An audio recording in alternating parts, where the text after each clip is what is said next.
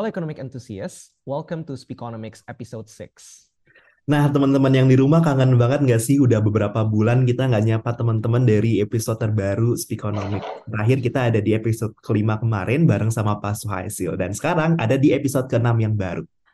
Yes, jujur kalau aku kangen banget sih Ben. Dan untungnya di episode ini kita bakal berdiskusi bersama pembicara yang keren banget nih. Waduh, siapa tuh Nix kalau boleh tahu?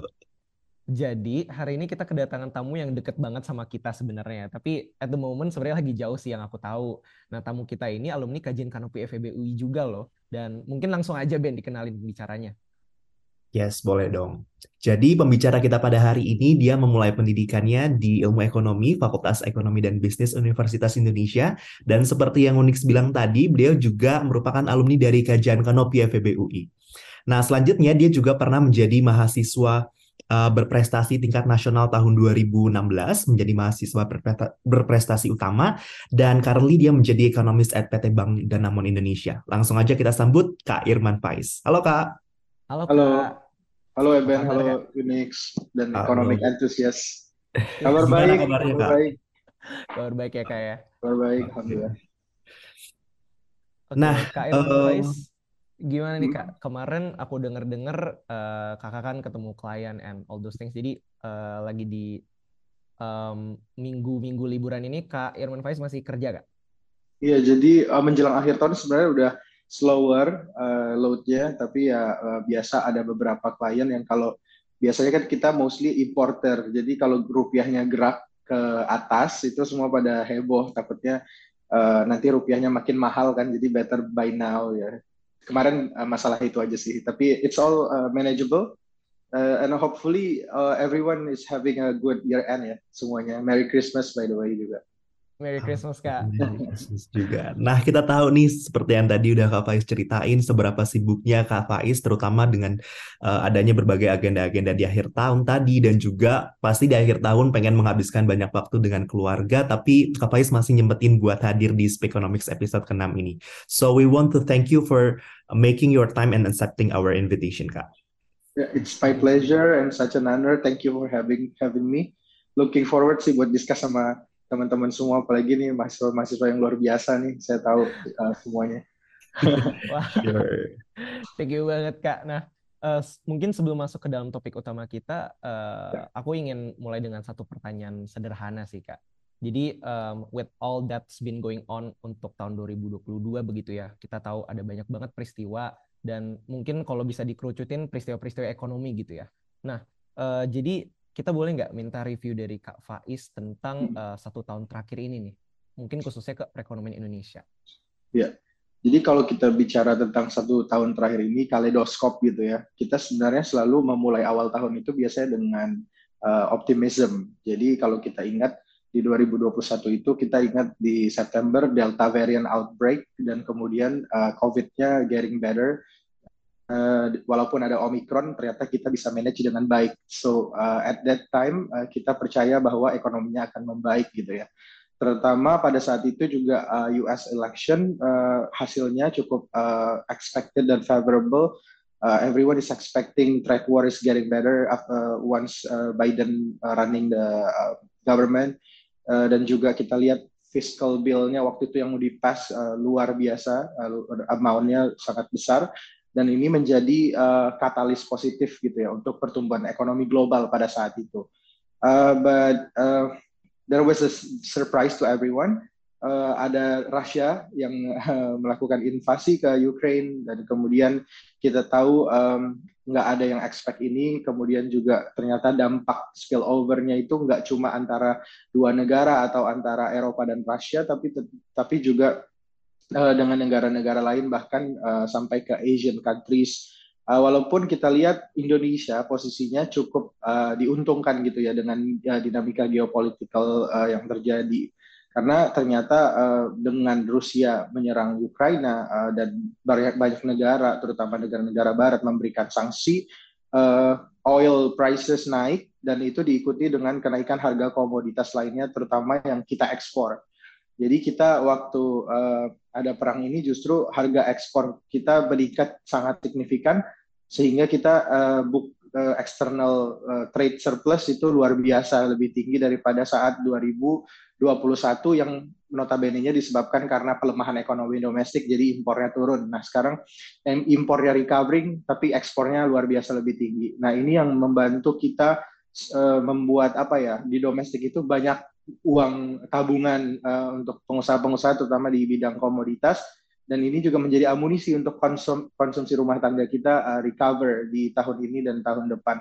Dan kita lihat sekarang um, menjelang akhir tahun kembali optimisme itu uh, terbentuk walaupun di tengah uh, apa namanya awan gelap resesi, uh, risiko resesi di tahun depan untuk global, tapi Indonesia posisinya cukup optimis di mata dunia, di mana berbagai uh, international institution seperti IMF, World Bank, OECD, expecting kita masih bisa tumbuh di atas uh, 5% or at least 5% uh, di tahun depan.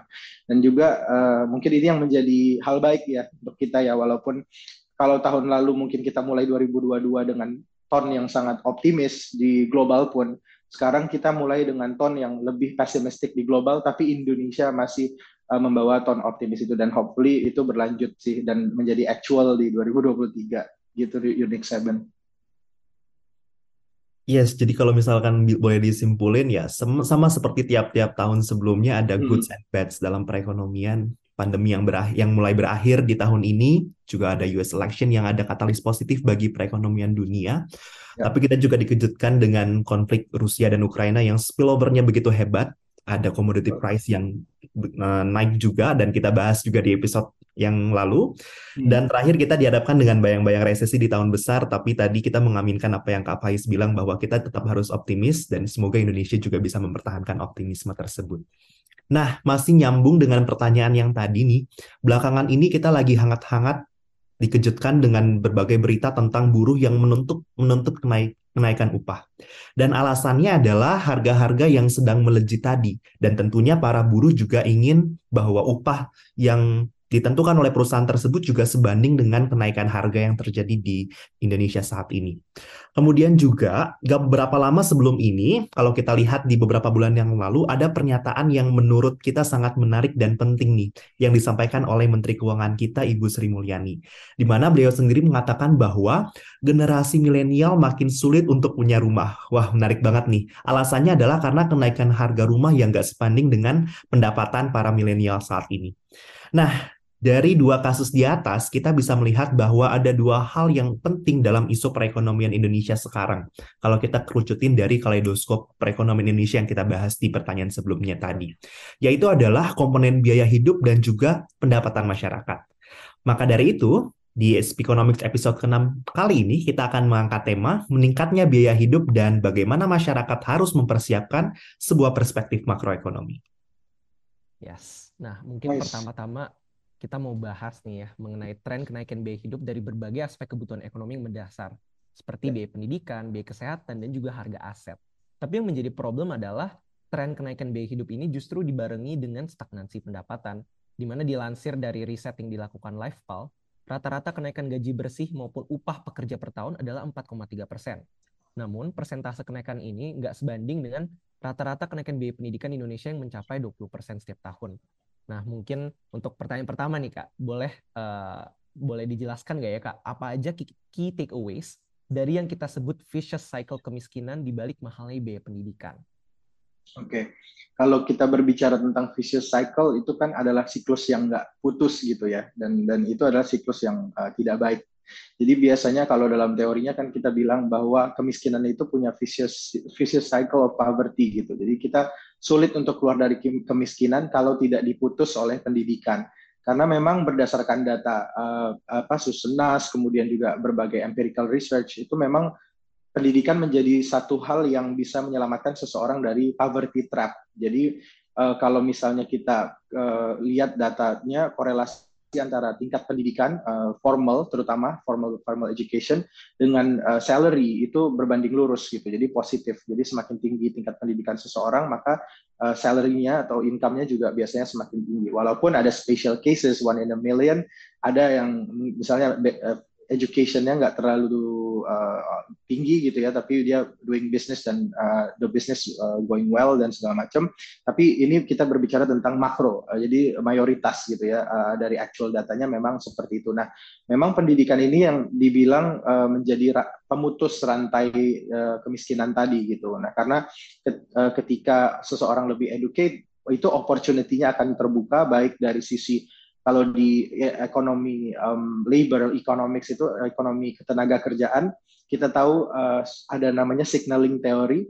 Jadi uh, orang tuh akan masuk job market ada saringannya gitu ada filternya. Dengan uh, filter itu juga yang semakin tinggi. Dulu mungkin zaman orang tua saya mungkin kalian orang tua orang tua kalian sekarang mungkin seumuran sedikit lebih tua dari saya.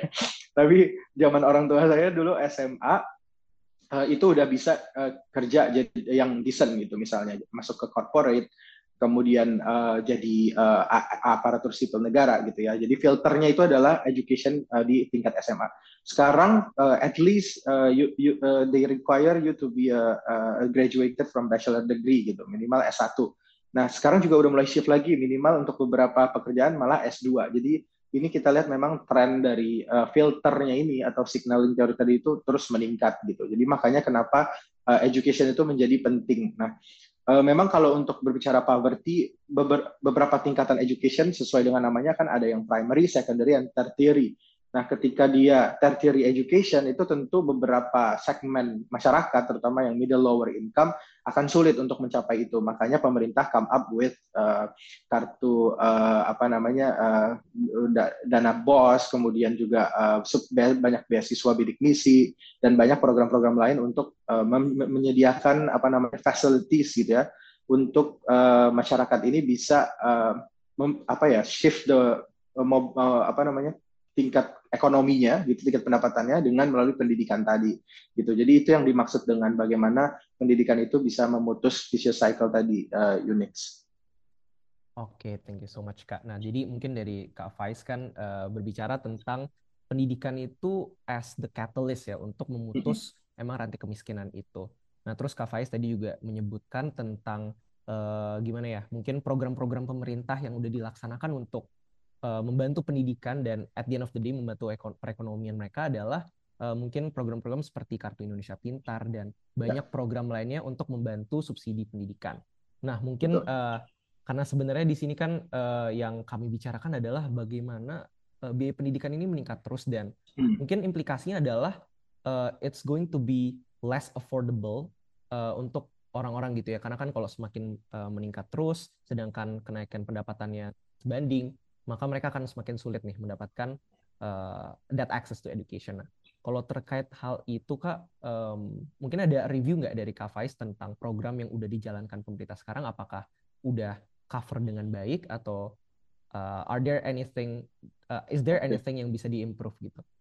Oke, okay, uh, first thing first, mungkin we need to be careful uh, on looking at the data karena the double digit growth in education uh, cost itu yang kita lihat di inflation component itu mostly adalah driven by uh, bimbingan belajar dan juga private uh, apa namanya college yang memang uh, mereka punya decision sendiri untuk biaya edu edukasinya gitu ya. Jadi uh, dan ini kan memiliki market yang berbeda ya, segmen market yang berbeda gitu. Jadi it's not apple to apple if we compare the whole uh, apa namanya um, wage growth in general dengan education cost karena uh, itu yang disurvei oleh BPS kalau kita buka basketnya lagi yang drive dia meningkat tinggi itu sebenarnya adalah extra education kayak misalnya bimbel gitu ya ada juga uh, banyak private private school gitu. Jadi jadi memang itu yang uh, kenaikannya luar biasa. Tapi kalau kita lihat dengan uh, state university atau uh, at least uh, formal and decent uh, uh, education facilities uh, sebenarnya price-nya quite quite stable gitu karena itu kan juga di maintain sama pemerintah. So as long as pemerintah uh, maintain the quality of uh, dia dia punya state university or uh, apa high school dan sampai elementary uh, harusnya at least kita punya basic to secondary uh, education yang memadai gitu ya. Jadi um, uh, dan itu affordable untuk banyak elemen masyarakat.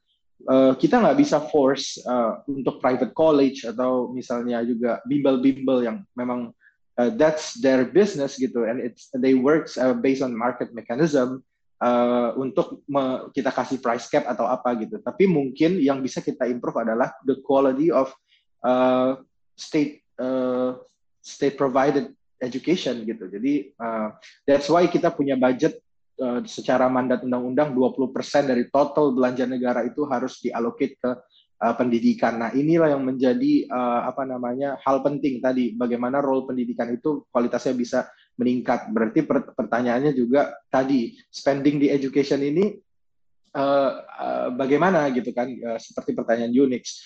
Kalau saya melihatnya masalahnya memang klasik ya. Jadi balik lagi ke data gitu. Jadi data coverage kita ini memang perlu dibenahi walaupun it's easier said than done. Tapi apa namanya kalau nggak sekarang dilakukan ya kita nggak akan pernah improve gitu. Karena kayak misalnya bidik misi back then uh, in high school, I know like few people yang uh, I I I don't think they deserve to uh, get the bidik misi fund, but they got they got it. So uh, it it needs to be reviewed. Dan menurut saya juga nggak cuma dari sisi uh, transfer fundnya, tapi dari sisi fasilitas sekolahnya. Um, kayak dulu saya kebetulan masuk high school yang cukup uh, bagus gitu ya. Itu sangat senjang kalau kita bandingkan dengan uh, high school yang uh, dulu kalau sekarang mungkin udah nggak ada dulu RSBI uh, eh, taraf bertaraf internasional dan tidak gitu. Nah itu yang mungkin harus kita uh, perbaiki gitu. Karena terutama di dua tahun terakhir dengan dana pandemi yang begitu besar gitu ya, uh, artinya total belanja negara juga meningkatnya sangat besar nih Unix. Dengan mandat tadi 20%, berarti alokasi secara level uh, rupiah in trillion untuk budget pendidikan juga meningkat automatically. Nah ini yang perlu kita uh, awasi gitu ya dan uh, apa namanya monitor terus dengan dengan eh, program-program pendidikan yang pemerintah sediakan gitu. Yes, benar banget. Aku juga setuju banget sama Kak Faiz tadi bahwa uh, pendidikan gratis yang digaungkan oleh pemerintah, terutama untuk pendidikan primer dan sekunder aja sebenarnya nggak cukup karena itu cuma bicara tentang bagaimana masyarakat bisa nge-afford pendidikan itu, tapi how about the quality. Dan tadi kita juga nyinggung tentang uh, bagaimana seharusnya anggaran dari pemerintah khususnya di pendidikan bisa lebih difokuskan untuk tadi memperbaiki kualitas itu tadi.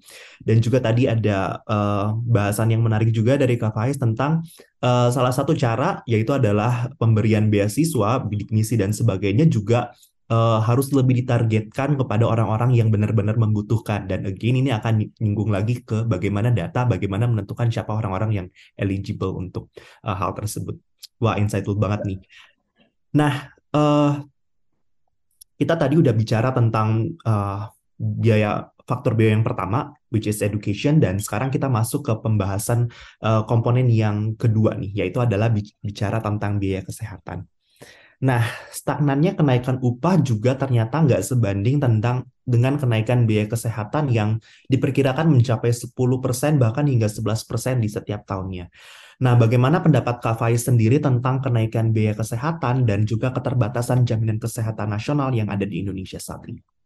Iya, uh, kalau untuk kenaikan biaya kesehatan ini memang mungkin uh, driver utamanya memang dari sisi supply ya, dengan teknologi yang kita punya itu terbatas, kemudian juga resources kita untuk pengembangan uh, riset dan teknologi di bidang medical yang terbatas, mau nggak mau kita banyak um, apa namanya uh, quote and quote import. Baik itu dari sisi knowledge dan dari sisi uh, alat medisnya gitu ya. Jadi itu itu juga menyebabkan kita sangat fragile dengan uh, bagaimana perkembangan uh, harga medis di luar dan kita tahu walaupun Indonesia itu growth harga harga keset, apa uh, biaya kesehatannya meningkat luar biasa sebenarnya by level kita masih belum ada apa-apanya dibandingkan negara-negara lain.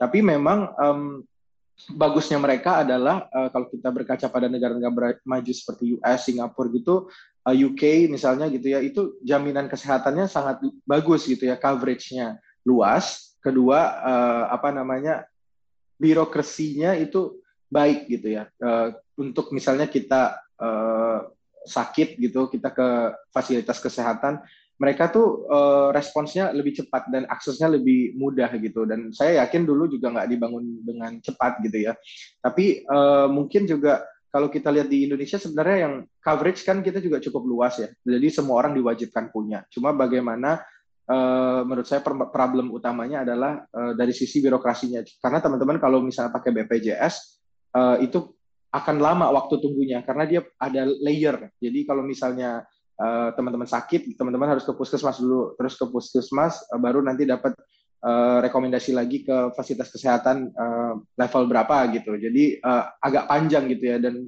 dan saya rasa kalau misalnya orang yang bisa afford medical bills akan sangat males gitu untuk uh, menggunakan fasilitas itu. Dan itu juga sebenarnya jadi drive, driver untuk harga medisnya gitu karena orang tahu uh, oh willingness to pay-nya ada ya it's the basic uh, introduction to economics ya uh, 101. Jadi uh, kalau misalnya uh, willingness to pay-nya masih ada, kalau misalnya private hospital atau private uh, health facilities gitu ya mereka akan uh, coba untuk uh, seize that opportunity untuk adjust di, dia punya output price supaya marginnya juga ke maintain gitu kan.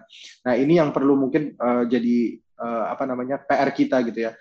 Uh, balik lagi, I'm not the expert uh, di masalah uh, health economics, tapi ini kalau kita lihat sebenarnya ada masalah satu satu lagi adalah dari sisi financing. Jadi mungkin kita sebagai ekonomis mungkin nggak ngerti uh, gimana sih sebenarnya teknis di medisnya tapi kalau dilihat dari sisi financing, sebenarnya kan insurance business itu sama aja di mana aja gitu ya.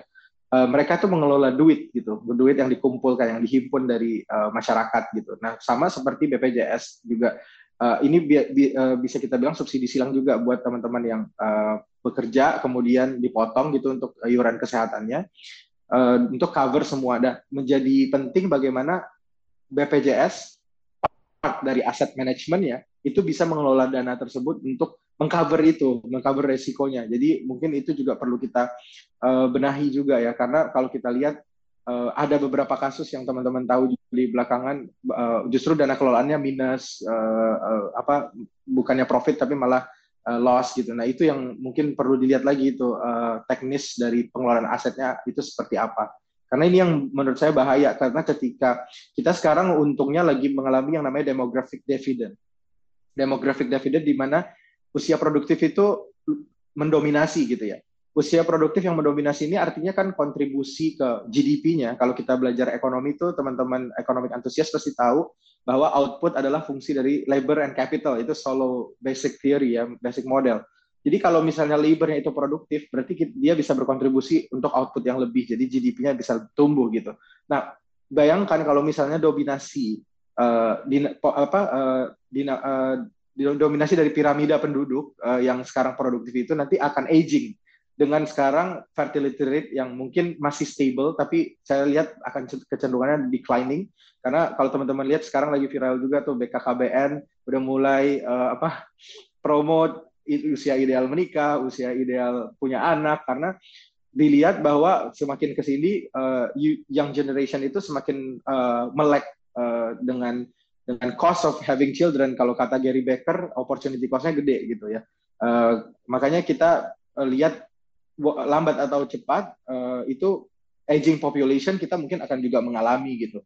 Nah gimana kalau misalnya aging population itu terjadi tapi kita nggak punya fund yang cukup untuk cover resiko kesehatan? Nah itu yang mungkin saya agak worry gitu. Jadi mungkin dari sisi tata kelola dari BPJS terutama itu harus uh, secepatnya gitu di dibenahi. Kalau mungkin uh, ahli demografi gitu ya dari LD pun lembaga demografi FEUI juga memperkirakan mungkin kita masih punya waktu sampai 2045 kita sampai di peak dari demographic dividend kemudian beyond itu kita mungkin akan mulai uh, merasakan uh, perlambatan dari uh, fertility rate dan kemudian kita masuk ke fase aging. Nah, itu yang harus kita persiapkan. Makanya juga visi misi uh, pemerintahan yang sekarang juga semuanya menggadang 2045 Indonesia emas karena peaknya memang demographic dividendnya di situ. Jadi itu mungkin yang bisa kita uh, bisa saya sampaikan, uh.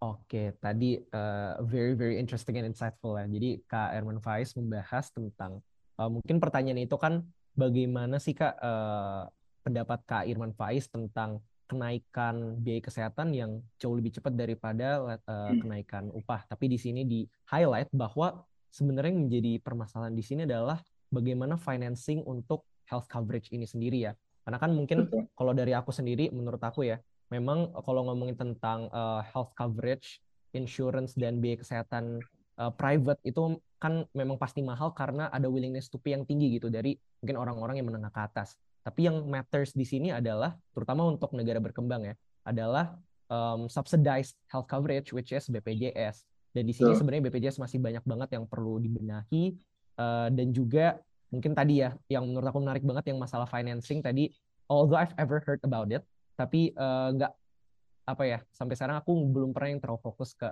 bagian situ. Nah mungkin dari Eben kayaknya ada mau pertanyaan nih tentang BPJS ini. Nah, uh, baru banget kemarin nih ada pernyataan yang cukup kontroversial dari Menteri Kesehatan kita yang bilang di rapat kerja dengan DPR, kalau nggak salah dia bilang bahwa uh, katanya orang-orang yang uh, pendapatannya menengah ke atas, uh, lebih kaya, quote unquote, itu katanya nggak usah pakai BPJS. Nah, uh, menurut uh, kita pengen tahu nih bagaimana pandangan Kak sendiri terkait dengan hal ini apakah seharusnya jaminan kesehatan nasional itu tersedia bagi seluruh masyarakat atau memang bagi hanya orang-orang yang membutuhkan saja sementara mereka yang willingness to pay-nya lebih tinggi kita uh, sarankan untuk gunakan private insurance atau Kak Faiz punya pandangan lain. Gimana? Iya, Uh, kalau kalau menurut saya ya tanpa tanpa diharuskan pun kalau sistem BPJS kita masih seperti ini itu udah market mechanism. Yang kaya pasti pakai private insurance. Uh, karena memang uh, mekanismenya sangat jauh ya. Uh, kalau misalnya kita punya private insurance say kita kerja di sebuah company company-nya kasih kita insurance kita cuma perlu tunjukin kartu gesek gitu kan. Tanpa tanpa ribet gitu lah. Tapi ketika kita nggak punya private insurance, uh, kita tadi saya bilang bahwa ada layer-layernya gitu untuk ke vaskes. Nah itu menurut saya uh, justru menurut saya untuk azas fairness dan juga uh, apa namanya karena karena mereka diwajibkan untuk membayar, ya they just just provide the options gitu menurut saya ya. Jadi nggak nggak menurut saya itu tidak adil ketika uh, kementerian misalnya menteri kesehatan bilang uh, oh ya udah yang kaya nggak boleh um, pakai JKN ini gitu. Tapi uh, do they need still do they need to pay still gitu? Maksudnya kalau mereka bayar ya menurut saya optionnya harus ada. Cuma masalahnya kan mereka mau pakai atau enggak gitu kan. Nah kalau menurut saya sih itu udah market mechanism. Jadi uh, justru malah bagus kalau misalnya mereka juga boleh pakai yang middle upper karena kan uh, mereka akan contribute juga di di fund BPJS-nya. Jadi yang saya bilang tadi ada subsidi silang justru antara middle upper dan middle lower. Nah uh, hopefully sih BPJS-nya ke depan akan sangat jauh lebih membaik dan kalau kita lihat bisa kita berkaca pada UK uh, NHS-nya itu sangat bagus gitu ya pada saat uh, pandemik tuh kita lihat semua orang dapat test kit semua orang itu despite dia kaya atau dia miskin itu semua orang dapat test kit kemudian juga kita bisa claim untuk apa namanya ibaratnya pandemic kit lah kita punya ada obat segala macam itu teman-teman yang bahkan imigran pun uh, quote and quote student itu kan juga dapat gitu. Jadi jadi mungkin kalau menurut saya memang beda ya, resourcesnya beda. Kalau di sana kan memang uh, tinggi potongannya gitu. Kalau di kita kan potongannya juga masih masih terbatas gitu ya. Cuma bagaimana balik lagi menurut saya sih financingnya tuh harus menjadi fokus utama sih karena itu yang yang menjadi hal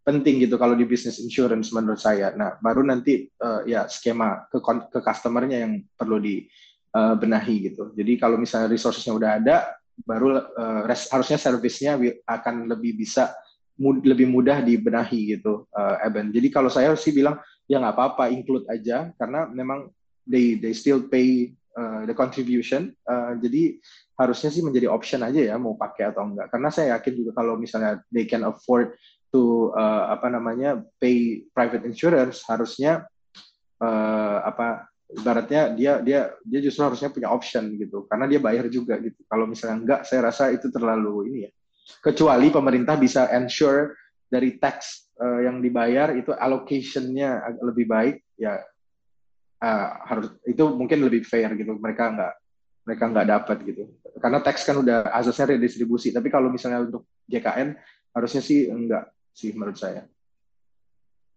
oke okay. uh, eh, So dari pertanyaan Eben itu kan uh, it, it's fresh news gitu dari uh, yeah. apa yang dikatakan uh, Menteri Kesehatan kita kemarin. Dan mungkin dari Kak Fai sendiri adalah sebenarnya ya uh, it's going to be better dengan mekanisme yang emang udah ada sekarang gitu ya, which is subsidi silang.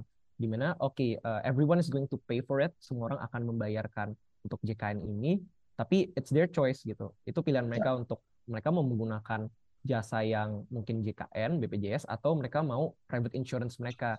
So Uh, jadi ya mungkin itu sih untuk um, kesimpulan dari Kak Faiz ya dan juga mungkin menyimpulkan dikit tadi mau um, menyimpulkan tentang poin Kak Faiz yang Faiz yang sebelumnya di mana um, sebenarnya fokus kita adalah lebih melihat kepada uh, long term makronya gitu ya. Di mana nanti akan ada uh, kita sedang ada demographic dividend di mana usia produktif lagi contribute dan permasalahan adalah ke depannya kalau misalkan kita sekarang lagi demographic, demographic dividend, takutnya adalah nanti usia tuanya lebih banyak di saat 10, 20, 30 tahun ke depannya dan juga dilihat trennya adalah fertility, fertility rate yang mungkin semakin menurun dan lain-lain dan hal itu harus kita persiapkan banget. Nah, mungkin Betul. bisa langsung ke next question nih, Kak. Uh, ya. Kita masuk ke komponen biaya hidup yang ketiga, yaitu harga aset. Jadi hmm. berdasarkan data rumah.com Indonesia Property Market Index pada tahun 2022 gitu ya, indeks harga rumah dalam tiga tahun terakhir meningkat 10%. Dan hal ini sekali lagi uh, lebih tinggi dibanding rate kenaikan gaji di Indonesia. Dan uh, mungkin udah sempat disinggung sebelumnya, ini sempat menjadi headline ya Kak, ketika yeah. Menteri Keuangan kita Ibu Sri Mulyani mengatakan bahwa generasi muda itu akan sulit punya rumah. Nah, bagaimana tanggapannya Kak Faiz? Iya, sebagai generasi mungkin masih bilang dibilang termu, uh, bisa dikategorikan muda juga. Saya juga merasakan memang uh, terutama di daerah kota-kota besar gitu ya, terutama Jakarta gitu ya. Sebagai orang yang dari daerah dari Pekanbaru, saya pindah ke Jakarta without no asset, it's very difficult to afford a property gitu. Tapi menariknya juga sebenarnya di millennials itu ada tren juga sebenarnya ownership dari kepemilikan properti itu juga shifting behaviornya tuh millennials tuh justru nggak mau gitu. Karena biasanya millennials tuh lebih apa ya uh, freedom yang dicari tuh freedom kemudian lebih mobile lebih nomaden gitu ya. Makanya juga saya ngelihat orang-orang lebih prefer untuk sewa daripada uh, own. Berbeda dengan generasi sebelumnya yang kalau belum punya rumah tuh kayak belum belum sukses deh gitu. Tapi kalau sekarang misalnya dengan opportunity kerjaan yang gimana aja ada internet yang luar biasa uh, justru banyak yang prefer untuk sewa gitu. Tapi memang kalau misalnya orang yang mau settle, saya menurut saya uh, memang agak berat ya karena aset prices itu naik terus. Cuma uh, kalau kita lihat memang drivernya, balik lagi ya drivernya itu memang yang naik luar biasa kan sebenarnya segmen-segmen uh, yang sifatnya investment ya. Kalau first home buyer itu sebenarnya juga property developer dan yang main bisnis property itu udah aware bahwa uh, capacity dari millennials, which is going to be the huge uh, largest market nanti di beberapa tahun ke depan or, or even now uh, itu sebenarnya cuma mampu dua bio ke, ke bawah gitu. Jadi uh, untuk rumah yang dua bio ke bawah itu masih banyak demandnya uh, dari first home buyer. Jadi yang baru merit, yang baru uh, kerja gitu ya, yang mau punya rumah. Sedangkan yang investment segment yang di atas dua bio itu udah mulai nggak bergerak gitu. Jadi uh, dan 10 yang tadi 10% di beberapa tahun terakhir itu kita juga lihat ada yang kita sebut dengan property bubble ya uh, walaupun uh, mungkin bubble-nya ada yang ya ini debatable, ada yang bilang udah udah meletus, ada yang bilang belum karena kemarin sempat harganya turun uh, di investment segment ini. Karena kalau kita lihat waktu dua, sebelum 2000 2012 itu kita kan mengalami komoditi uh, apa namanya bonanza ya. Jadi pada saat itu memang orang bingung duitnya mau dikemanain gitu. Jadi beli properti, invest, invest, invest harganya luar biasa naiknya gitu. Jadi nggak mencerminkan fundamental demand-nya sebenarnya. Nah itu yang sekarang lagi koreksi dan kalau kita lihat sebenarnya uh, untuk kategori itu justru tren price-nya itu udah mulai turun. Jadi mungkin tadi average-nya itu ke bawah yang waktu itu uh, Unix, di, makanya tinggi.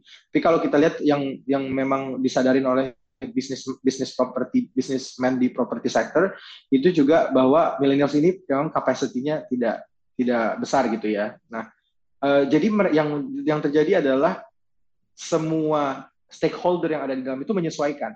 Jadi property developer sekarang udah banyak yang offer KPR uh, eh, uh, yang agree untuk kerjasama dengan bank untuk membuat KPR milenial. So you can buy a house without any uh, down payment.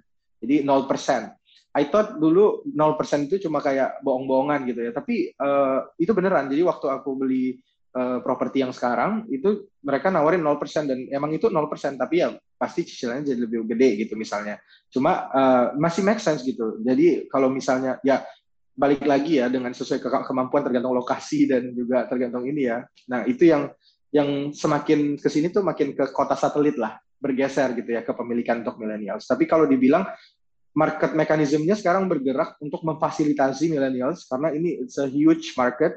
Jadi sekarang mereka juga menyesuaikan dan termasuk kita di bank juga mulai menyasar uh, apa uh, ini market ini gitu. Karena kita tahu investment untuk investment segment yang di atas dua bio itu mungkin trending down uh, dalam beberapa tahun ke depan. Karena kita lihat bubble-nya udah tadi the burst uh, dan kita nggak melihat sekarang kita dua tahun terakhir komoditi price-nya naik kayak gini tapi propertinya nggak gerak. Kenapa? Karena orang udah tahu kalau uh, apa kalau properti juga ke depan itu udah udah saturated gitu untuk di investment segment gitu. Jadi yang bergerak memang cuma first home buyer uh, marketnya. Uh, dan dan saya rasa untuk millennials mungkin kita juga harus wise ya gitu. Jadi kita tahu kita butuh nggak sebenarnya uh, rumah gitu. Terus kita harus hitung. Udah banyak sekarang yang ber berargumen bahwa sewa lebih untung. Uh, jadi ownership value itu mulai menurun gitu ya. Tapi ada orang yang kan value uh, ownership karena dia pengen settle down di satu tempat. Mungkin itu sih Unix. Oke kak, um, I think it's very interesting karena dari pertanyaan pertama sampai ketiga sebenarnya yang menurut aku sangat harus di highlight adalah we have to see the drivers dulu ya untuk kenaikan harga ini gitu. Jadi memang uh, kalau dari aku sama Eben sendiri kan uh, kita research mungkin nggak sedalam Kak Faiz juga kali ya di mana kita emang melihat uh, untuk the overall trend gitu. Di mana ada kenaikan misalkan biaya kesehatan, pendidikan dan juga um, biaya aset. Tapi dari ya. dari Kak Faiz ada insight baru di mana sebenarnya kita harus lihat dulu satu drivernya sama dua adalah um, sebenarnya um, ya dari driver itu kita harus um, analyze lagi gitu. Sebenarnya apakah ini something yang fundamental? Mungkin tadi kan Kak Faiz bahas uh, di mana ada uh, commodity bonanza yang membuat orang mungkin uh, semakin banyak uangnya dan mereka bingung taruh di mana. Akhirnya mereka invest in property and ya it's all the mark it's all the price mechanism yang datang dari situ ya. dan tapi pada akhirnya kan ada market mechanism di mana uh, harganya nanti jadi seimbang lagi gitu. Nggak akan menjadi terlalu mahal so that people can afford so much gitu. Nah mungkin uh, di sini aku ada satu pertanyaan sih kayak yang uh, follow up question gitu yang uh, menurut aku sangat menarik. Nah jadi um, kita kan um, udah tahu nih dampak-dampak yang didapatkan dari uh, kenaikan uh, biaya aset gitu. Kemarin itu kan uh, kalau kata Ibu Sri Mulyani, susah. Mungkin di sini uh, ada nggak ya Kak mungkin program-program uh, pemerintah dari pemerintah atau mungkin dari um, central bank sendiri ya sebagai lembaga independen yang dapat membantu masalah itu gitu. Masalah hmm. kepemilikan rumah ataupun bahkan sewa rumah itu kan juga setahu aku juga uh, lumayan costly gitu ya. Ya, betul. Mungkin itu kalau kalau untuk program mungkin lebih ke pemerintah ya, karena kalau central bank mungkin role-nya uh, sekarang juga apalagi terutama monitoring perbankan udah di OJK ya, jadi uh, saya rasa ini lebih otoritasnya di pemerintah. Dan pemerintah sendiri sebenarnya kan uh, apa namanya menolong siapa yang perlu ditolong, begitu kan seharusnya. Makanya sekarang banyak program rumah bersubsidi gitu ya dan juga ada subsidi bunga. Jadi Kementerian PUPR itu kalau kita lihat di budgetnya mereka, mereka tuh tiap tahun punya alokasi untuk subsidi bunga, subsidi bunga perumahan. Jadi kalau ada uh, apa orang-orang yang dikatakan mungkin tidak bisa terpenuhi kebutuhan primer uh, sandangnya, uh, sandangnya gitu ya, uh, itu bisa dibantu sandang pangan papannya itu bisa dibantu uh, dari subsidi itu gitu. Jadi kalau misalnya kita lihat memang tetap mereka bayar bunga ke bank tapi bunganya lebih rendah itu subsidi bunga Kemudian bahkan ada rumah subsidi juga yang harganya disubsidi. Jadi pemerintah bekerja sama sama developer, uh, terutama untuk yang unit perumahan rakyat gitu ya. Itu uh, nanti harganya itu sebagian besar disubsidi oleh negara. Jadi sebenarnya ada program-programnya ada gitu. Uh, tapi memang mungkin kalau untuk misalnya um, yang middle uh, class gitu ya, mungkin belum masuk dalam coverage. Jadi ini lebih ke lower uh, apa ya, lebih ke lower income class lah gitu. Karena uh, biasanya middle ini kata, kalau dikategorikan sebagai middle kan sebenarnya kalau kita bisa allocate dengan benar mungkin kita bisa afford. Dan biasanya juga uh, ada apa ya ibaratnya sekarang uh, bisa afford untuk rent uh, dan juga masih biasanya ada orang tua gitulah ininya. Saya juga bahasa yang bagusnya nggak tahu ya cuma uh, intinya adalah bukan targetnya pemerintah di middle class untuk subsidi-subsidi uh, ini. Tapi upaya upayanya itu dan juga menurut saya juga tadi yang sampaikan ke Unix dan uh, Eben, kalau misalnya market lihat potensi di uh, marketnya millennials gitu, masa mereka nggak sih sih di tengah investment opportunity-nya di investment segmentnya itu uh, appetite-nya tuh menurun terus. Jadi menurut saya sekarang tim KPR bank mana pun ya sekarang sekarang lagi mengincar millennials justru dan ini juga uh, menjadi apa ya menjadi sebenarnya bantuan juga ya buat millennials karena banyak kemudahan-kemudahan yang diberikan. Tenor lebih panjang karena semakin mudah kita ambil ininya uh, apa namanya KPR-nya juga tenor kita bisa lebih panjang kan. Dan kalau misalnya nanti kita misalnya bekerja dengan baik dan uh, rezekinya bagus bisa di refinancing di restructure uh, uh, menjadi tenor lebih pendek dan cicilannya bisa lebih cepat selesai gitu. Jadi banyak banget pembiayaan fleksibel sekarang untuk properti ini. Kalau yang mau uh, beli properti ya. Gitu. Jadi masalahnya sekarang uh, di kita juga sih. Wise nggak sih kita beli properti? Itu kan masing-masing kebutuhan masing-masing. Mungkin itu kali ya Unix ya. Oke, mungkin dari aku satu pertanyaan lagi nih Kak. Ya, boleh Ben. Nyambung dari uh, pernyataan Kak Faiz yang terakhir tentang millennials tuh harus mikirin tentang wise atau enggak sih untuk beli beli properti beli properti aset itu atau enggak. Nah, mungkin dari Kak Faiz sendiri ada insight-insightnya atau saran-saran khususnya buat millennials kalau tadi dari segi pemerintah, tapi sekarang dari segi masyarakatnya sendiri dan khususnya millennials tentang uh, gimana sih cara menentukan uh, keputusan untuk membeli properti aset uh, sekarang atau nanti di jangka panjang atau lebih baik beli atau sewa atau uh, bagaimana untuk tidak uh, apa namanya tergiur dengan program-program uh, pembiayaan yang yang kurang baik yang yang malah akan merugikan. Nah dari Kafai sendiri ada ada insight nggak nih tentang bagaimana sih hal-hal yang perlu dipertimbangkan dalam menentukan keputusan pembelian properti tadi? Oke, pertama mungkin uh, um, apa namanya dari sisi saya sih melihat selalu kan sebagai pelaku ekonomi kita harus rasional ya. Jadi benefits and cost biasa itu standar mungkin mungkin teman-teman ekonomi antusias ah, ini normatif jawabannya, but it's true.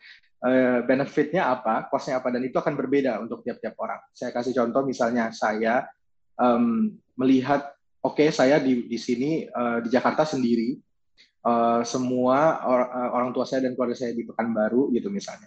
Uh, kalau saya misalnya sewa apartemen, uh, say sekarang apartemen di Jakarta itu 10 juta gitu ya. Uh, kemudian saya berencana untuk tinggal terus di Jakarta gitu. Kalau saya melihat saya nggak akan uh, misalnya ke mana gitu untuk waktu yang lama, untuk stay di waktu yang lama gitu misalnya. Uh, Oke, okay, it's better for me to own a house misalnya. Uh, Oke, okay, house kemahalan uh, dan kejauhan kalau misalnya saya beli house untuk yang 2,3 m uh, bisa di bawah 2 bio oh apartemen gitu. Jadi disesuaikan benefitsnya ke kita dan juga uh, constraint-nya kita tuh apa gitu ya. Jadi mungkin bahasanya cost gitu ya. Nah costnya mungkin oh you need you still need to pay maintenance fee gitu-gitu perlu dipertimbangkan juga. Terus juga transportation-nya, aksesnya. Menurut saya itu adalah hal-hal yang wise yang perlu kita pertimbangkan. Tapi uh, di sisi lain juga mungkin teman-teman juga harus uh, apa namanya aware juga gitu ya. Kalau misalnya teman-teman pekerjaannya kita kan banyak jenisnya. Ada yang stable, ada yang unstable. Unstable dalam artian hmm, mungkin lebih prone to risk, misalnya startups. Startups di kondisi likuiditas yang sekarang. Jadi uh, mungkin konklusinya juga teman-teman harus aware dengan financial financially literate dan uh, update terhadap global news dan domestic news kali ya. Makanya dengerin Speakonomics juga nih. Jadi kita makin teredukasi. Nah, uh, maksudnya apa? Kayak gitu tadi. Oh, oh kalau gue kerja di startup, misalnya mungkin tahun ini gue akan save. Oh, ternyata Fed uh, bank sentral di mana pun lagi tightening liquidity. Oh, funding startup gue bakal susah gitu. Ada potensi segala macam resiko ya, amit-amit lay off segala macam gitu kan. Nah itu kan juga menjadi pertimbangan kita kalau kita mengambil tenor yang semakin panjang, berarti semakin banyak resiko yang harus kita price in harus kita accommodate. Nah, itu juga menjadi pertimbangan. Kalau misalnya teman-teman kerja di mungkin well established company yang lebih stable ya mungkin bisa lebih panjang tenornya. Itu tadi menentukan juga tuh keputusan-keputusan itu gitu ya. Dan kalau teman-teman juga um, tadi karakternya adalah yang oh saya tuh kerja bisa dari mana aja. Oh mungkin bisa sambil uh, apa namanya side hustle gitu cari kerjaan lain dan tempat lain yang mungkin memerlukan teman-teman untuk visit dan segala macam itu it's better to rent lah menurut menurut saya gitu ya. Jadi nggak cuma stick to satu job misalnya teman-teman. Nah itu juga uh, menjadi pertimbangan juga kalau buat saya. Uh, jadi uh, itu yang mungkin teman-teman perlu pertimbangkan dan balik lagi decisionnya pasti teman-teman sendiri yang tahu. Cuma pesan saya sih uh, taking a risk is a good thing karena high risk high return but it needs to be a calculated risk kalau misalnya risknya nggak calculated itu mungkin akan berbahaya ya. Karena banyak uh, apa namanya millennials yang memang sangat risk taker. Jadi mungkin kurang calculated jadi ter, tergiur dengan return yang tinggi di investment. Kemudian juga mikirnya tuh um, apa namanya kondisi ini tuh akan sustain terus gitu. Jadi jadi itu yang membuat mungkin banyak banyak banyak uh, korban-korban dari tadi ya investment bodong ataupun uh, pembeli uh, keputusan finansial yang tidak uh, wise gitu ya. Mungkin itu menurut menurut saya itu sih Ben. Oke, okay. uh, that's uh, very very um, insightful once again ya.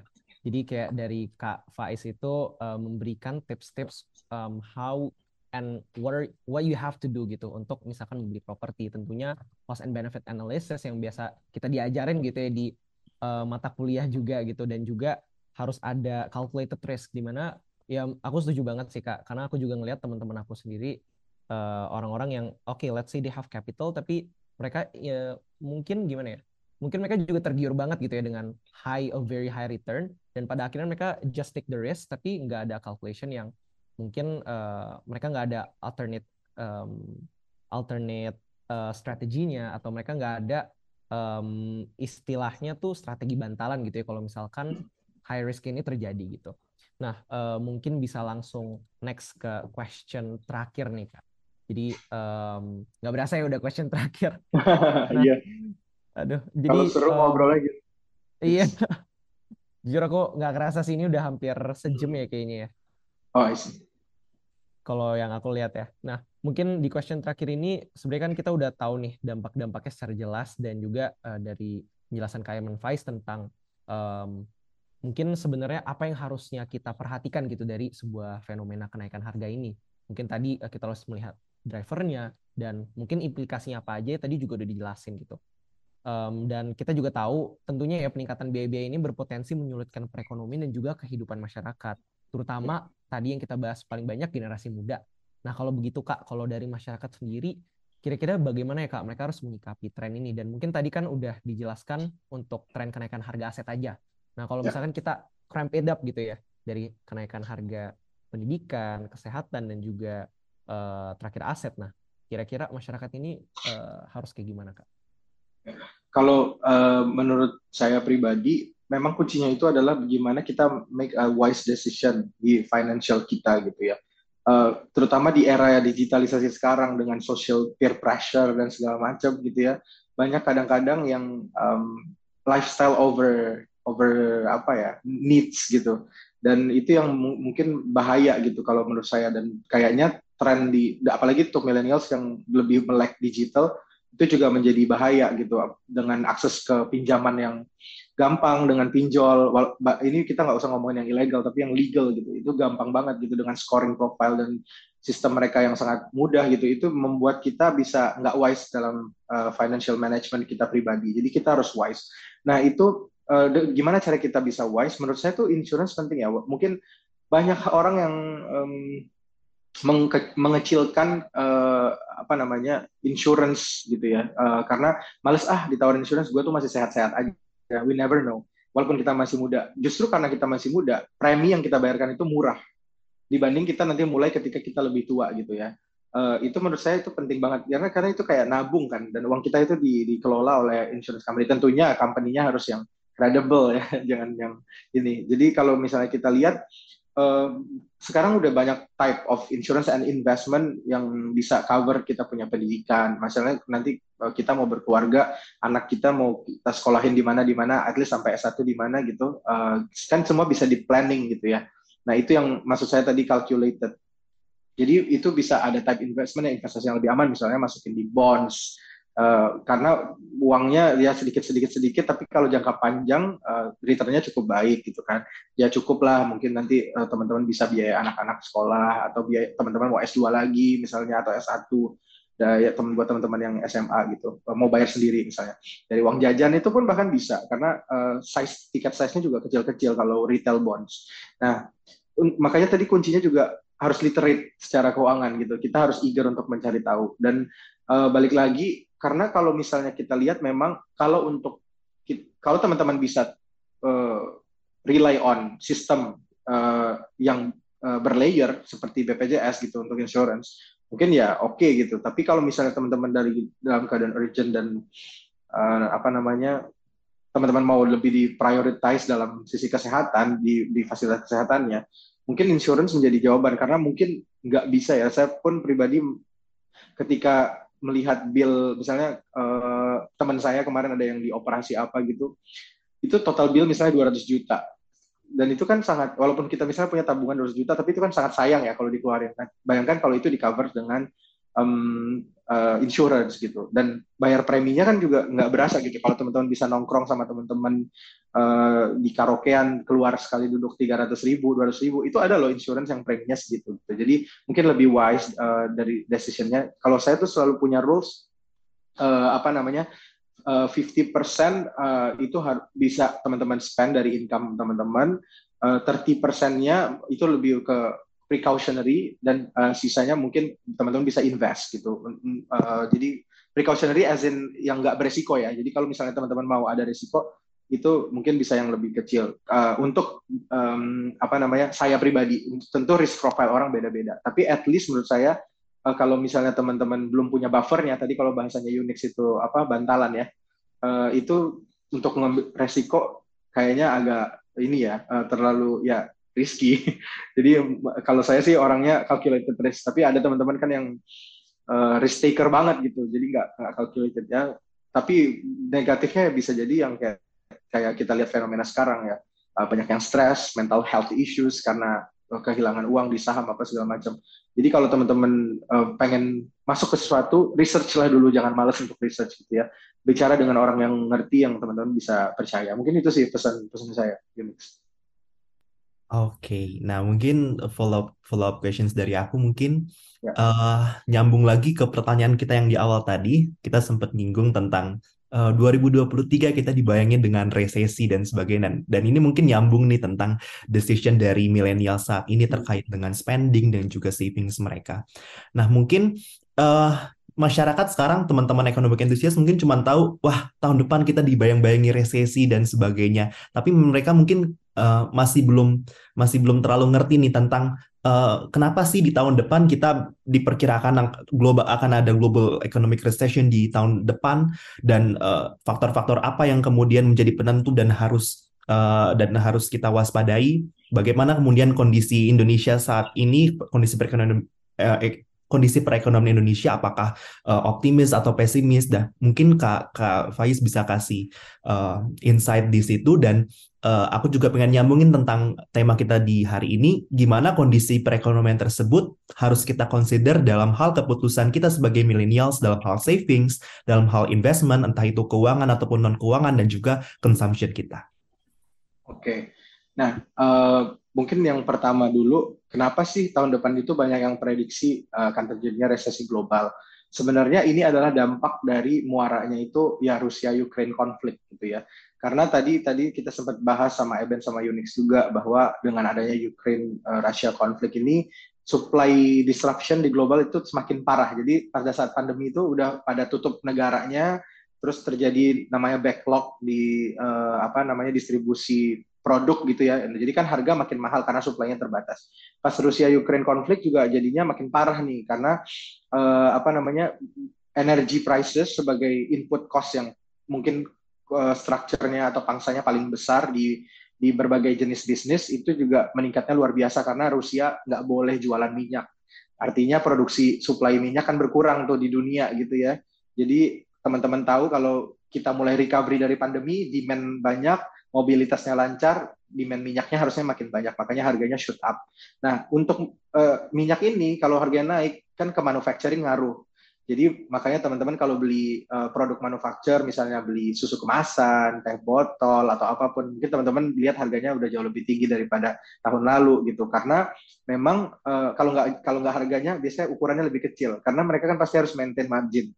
Nah uh, itu karena tadi input cost mereka itu meningkat teman-teman. Nah jadi inflasinya naiklah signifikan dikombinasikan dengan kita yang mobilitasnya itu luar biasa setelah pandemi ternyata vaksinasi vaksinasinya berjalan dengan vaksinasinya berjalan dengan lancar, uh, permintaannya naik gitu ya, itu itu menyebabkan harga-harganya shoot up. Jadi supply-nya turun, demand-nya naik ya. Basic uh, economic 101 lah. Nah, yang terjadi adalah central bank ini di berbagai dunia terutama Amerika Serikat itu tidak melihat bahwa fenomena ini akan permanen, bukan permanen, um, uh, sustainable lah ya bahasanya tuh lebih mungkin akan lama terjadinya. Banyak di awal yang mikir oh it's just a transitory phenomenon gitu. Ini cuma sementara karena kita baru reopening. Kita tunggu deh tiga satu kuartal lagi, dua kuartal lagi ini juga akan normalize gitu misalnya. Ternyata ini nggak normalize normalize. Akhirnya yang terjadi adalah di tahun 2022 Maret uh, ya sekitar kuartal 2 Juni itu Bank Sentral Amerika naikin suku bunga agresif banget. Kita nggak pernah lihat Bank Sentral itu Bank Sentral Amerika itu naikin 75 basis dalam satu bulan biasanya paling tinggi 50 basis. Nah, mereka tuh menghajar 75 basis sampai dengan November kemarin dan baru turun ke 50 basis di Desember. Nah, kalau di kebijakan moneter teman-teman itu ada dampak lagging namanya waktu tunda ke sektor real. Karena kalau kita naikin misalnya bank sentral naikin bunga bunga di bank itu nggak akan langsung naik. Bank itu kan punya duit yang waktu bunganya murah gitu. Jadi dia akan keluarin dulu tuh first in first out. Bunga yang murah dulu jadi naik bunga di kreditnya itu akan lebih lambat Nah, itu yang menyebabkan uh, lag impact-nya baru akan terasa secara full di 2023. Nah, artinya bunga bunga kredit di bank akan lebih mahal, permintaan akan mulai melambat. Nah, permintaan yang mulai melambat ini yang menyebabkan ekonominya diperkirakan slow down dan bahkan sekarang kita lihat supply isunya uh, masih masih ada gitu ya, karena ini uh, war-nya itu prolong dan tidak jelas ujungnya. Jadi harga di supply-nya itu masih sticky gitu. Nah, ini yang menyebabkan produsen justru memilih untuk mengurangi output. Akhirnya uh, dari sisi demand melambat, dari sisi supply-nya juga berkurang gitu. Ini yang menyebabkan nanti di 2023 ada potensi atau resiko dari krisis. Karena definisi krisis itu sendiri adalah uh, penurunan output. Jadi bisa disebabkan oleh produsennya atau bisa disebabkan oleh konsumennya selama outputnya menurun. Nah, sekarang baseline orang-orang atau institusi-institusi yang kredibel itu masih di perekonomian yang melambat. Artinya ekonominya masih tumbuh tapi positif kecil. Nah, tapi memang resikonya ada tadi kalau supply-nya ini masih kayak gini sampai tahun depan, yaitu bisa menyebabkan uh, output globalnya turun. Nah, bagaimana posisi Indonesia? Ini pertanyaan kedua. Kita tadi saya sampaikan bahwa kita sempat beruntung dengan harga komoditas yang tinggi. Artinya ada duit yang masuk gitu ya uh, untuk eksportir-eksportir kita. Duit yang masuk ini ditaruh di mana? Di bank. Eh tapi pas pandemi kita nggak bisa jalan-jalan, nggak bisa belanja. Jadi uangnya numpuk di bank. Kalau teman-teman cek dana pihak ketiga itu tumbuhnya double digit selama dua tahun terakhir. Dan sekarang mulai melambat pertumbuhannya. Tapi dari level yang tinggi itu aja masih tumbuh 8-9 persen. Artinya kita masih menerima windfall atau uh, benefit dari komoditas tadi. Nah inilah yang saya lihat kalau misalnya mobilitas kita terus berjalan ini orang-orang akan ya udah kelihatan di Q4 sekarang Jepang buka apa segala macam itu udah mulai pada ke mana-mana. Bahkan di domestik pun Bali penuh akhir tahun macet Nataru. Ya saya cukup happy lah ya kita ngelihat ini ngelihat udah pada reopening walaupun ppkm belum dicabut. Nah ini yang tadi kita sebut dengan pent up demand. Jadi duitnya banyak cuma waktu timing untuk spendingnya baru akan ada gitu. Jadi mungkin dengan kalau Pak Jokowi mencabut uh, ppkm secara official akhir tahun confidence orang kan akan makin baik Nah, itu orang akan mulai spending dan udah mulai kelihatan. Jadi jenis spending itu ada dua, ada di barang yang tahan lama dan tidak tahan lama. Tidak tahan lama itu biasanya uh, primary needs ya, makanan. Kalau yang tahan lama tuh lebih kayak equipment, machinery yang sifatnya kita bisa installment. Nah, kalau ini naik yang tahan lama, itu biasanya confidence orang tuh bagus. Nah, ini kita lihat udah mulai naik. Jadi ini yang menjadi driver utama di tahun depan di tengah kalau misalnya globalnya tahun depan jelek gitu ya, ekspor kita kan pasti turun. Tapi konsumsi kita yang notabene 54% dari ekonomi itu akan uh, meningkat. Itu sih dari sisi posisi Indonesia. Nah, bagaimana nih ke teman-teman? Nah, teman-teman uh, persiapannya mungkin balik lagi ke diri sendiri. Teman-teman ada di uh, posisi mana? Apakah orang yang diuntungkan karena pandemi? Artinya mungkin uh, teman-teman punya investasi di mining misalnya kemarin-kemarin, berarti uangnya banyak. Ya udah bisa di enjoy konsumsi, tapi jangan lupa juga buat jaga-jaga tapi kalau teman-teman di bagian yang karena pandemi di layoff misalnya gitu, ya berarti teman-teman harus uh, set up a new beginning karena uh, dengan recovery ekonomi ini pasti banyak opportunity lain yang terbuka gitu ya. Uh, karena kalau kita lihat bahkan sekarang turnover di corporate sekarang udah mulai naik, jadi mulai berputar setelah pandemi ini membaik. Hotel occupancy naik, opportunity terbuka gitu. Jadi saya rasa dengan pemulihan ekonomi tahun depan, both sides itu bisa sama-sama diuntungkan. Yang kemarin udah ngumpulin duit karena dapat windfall misalnya bisa spending gitu ya. Kalau yang kemarin di tempat di layoff ya bisa mencari opportunity baru dan hopefully semuanya getting better di 2023. Nah, untuk dari sisi aset keuangan mungkin ya sebagai uh, ekonomis saya melihatnya kalau misalnya ekonominya itu membaik di domestik itu aset-aset yang lebih berisiko itu akan lebih meningkat harganya karena orang akan confident gitu. Jadi mungkin teman-teman mulai bisa masuk ke saham. Kalau sahamnya uh, masuk yang mana? kita lihat driver ekonominya apa? Oh konsumen, berarti consumer related goods gitu. Tapi oh enggak ah, risk appetite gue nggak masuk gitu. Tapi uang gue banyak nih kemarin uh, karena harga komoditasnya naik. Ya udah masukinnya ke fixed, fixed income misalnya, bonds gitu misalnya, atau deposito dengan at least uh, teman-teman tidak tergerus uangnya dengan inflasi misalnya kayak gitu. Itu itu untuk aset aset keuangan. Saran saya sih seperti itu. Wah, insightful banget ya tadi dari penjelasan Kak Faiz benar-benar menjelaskan tentang apa yang akan terjadi, what might happen in in the next year dan baga bagaimana kemudian implikasinya. Intinya adalah uh, satu aware dengan kondisi perekonomian yang terjadi saat ini, aware juga dengan kenaikan berbagai komponen biaya hidup, lalu kemudian sesuaikan dengan kondisi keuangan kita masing-masing, dengan profil risiko kita masing-masing, dan again kita balik lagi tentang literasi keuangan, bagaimana kemudian kita sebagai millennials mengelola keuangan dan aset-aset kita. Wah, nggak kerasa banget kita udah sampai di akhir episode kita pada hari ini dan kita bisa lihat ya tadi dari perbincangan di awal tentang outlook perekonomian Indonesia sampai dengan di akhir kita bicara tentang apa sih seharusnya implikasi yang harus dipahami oleh masyarakat khususnya milenial terkait fenomena ini. Kita banyak sekali dapat insight, penjelasan-penjelasan, saran-saran dari Kak tentang uh, uh, kondisi yang terjadi saat ini. So, Kak Faiz mewakili segenap uh, fungsionalis Konopi FEB UI, kami mengucapkan terima kasih sebesar-besarnya atas kesediaan Kak Faiz untuk hadir di Speakonomics episode ke-6 kali ini. Dan seperti biasa, sebelum mengakhiri setiap episode, kita selalu kasih kesempatan nih ke speaker kita pada hari ini, yaitu Kak Faiz, untuk kasih pesan-pesan untuk economic enthusiast yang ada di rumah. Kira-kira Kak Faiz ada pesan nggak? Oke, okay sesuai dengan tema kali ya. Jadi kalau kita lihat memang um, kita perlu untuk menjadi wise dalam financial management kita pribadi gitu ya. Tapi tentunya financial management kita tidak terlepas dari apa per, yang terjadi di domestik maupun di global gitu. Nah makanya kita harus stay up to date, terutama untuk millennials millennials yang nggak ada alasan untuk tidak up to date. So uh, kita nggak jangan terlalu spend misalnya di hal-hal yang kurang berfaedah misalnya you just play Instagram and being pressured by uh, your friend's lifestyle instead find an insightful insightful information yang bisa kalian gunakan untuk leverage kalian punya uh, skills kalian punya financial uh, uh, apa namanya financial uh, condition gitu ya. Jadi mungkin kita bisa menjadi millennials yang wise dan melepaskan stereotype stereotype orang-orang tentang millennials yang jelek-jelek. Itu sih kali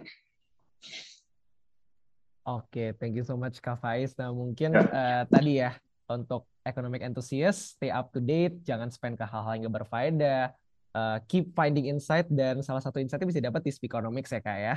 Dan True. juga uh, satu kata yang aku suka banget dari Kak Faiz adalah jadilah millennials yang wise. Uh, somehow di uh, lingkungan kampus lagi banyak juga sih yang bahas tentang uh, wise wise ini ya. Jadi kayak uh, lu jadi orang wise dong gitu. Nah, it's it's very lucu aja sih kak bisa dibawa di sini juga. Nah, oke. Okay. So um, uh, thank you banget Kak Faiz once again. And I think uh, aku akan menutup nih. Jadi Economic Enthusiast, Economics akan kembali lagi dengan berbagai isu hangat lainnya ditemani para pembicara yang mumpuni seperti Kak Faiz. Nah, untuk mendengarkan ulasan mengenai isu-isu ekonomi lainnya, dalam episode-episode Speakonomics yang sebelumnya bisa dan setelahnya juga bisa, jangan lupa untuk subscribe ke podcast Canopy on Air di YouTube dan juga Spotify.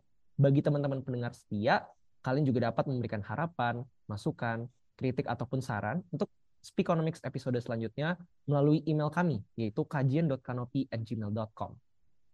Sekian, saya Ebenezer Hareva. Dan saya Unix Brian. Saksikan terus konten-konten dari Kanopi FEB UI. And see you in the next, in the next podcast. Thank you.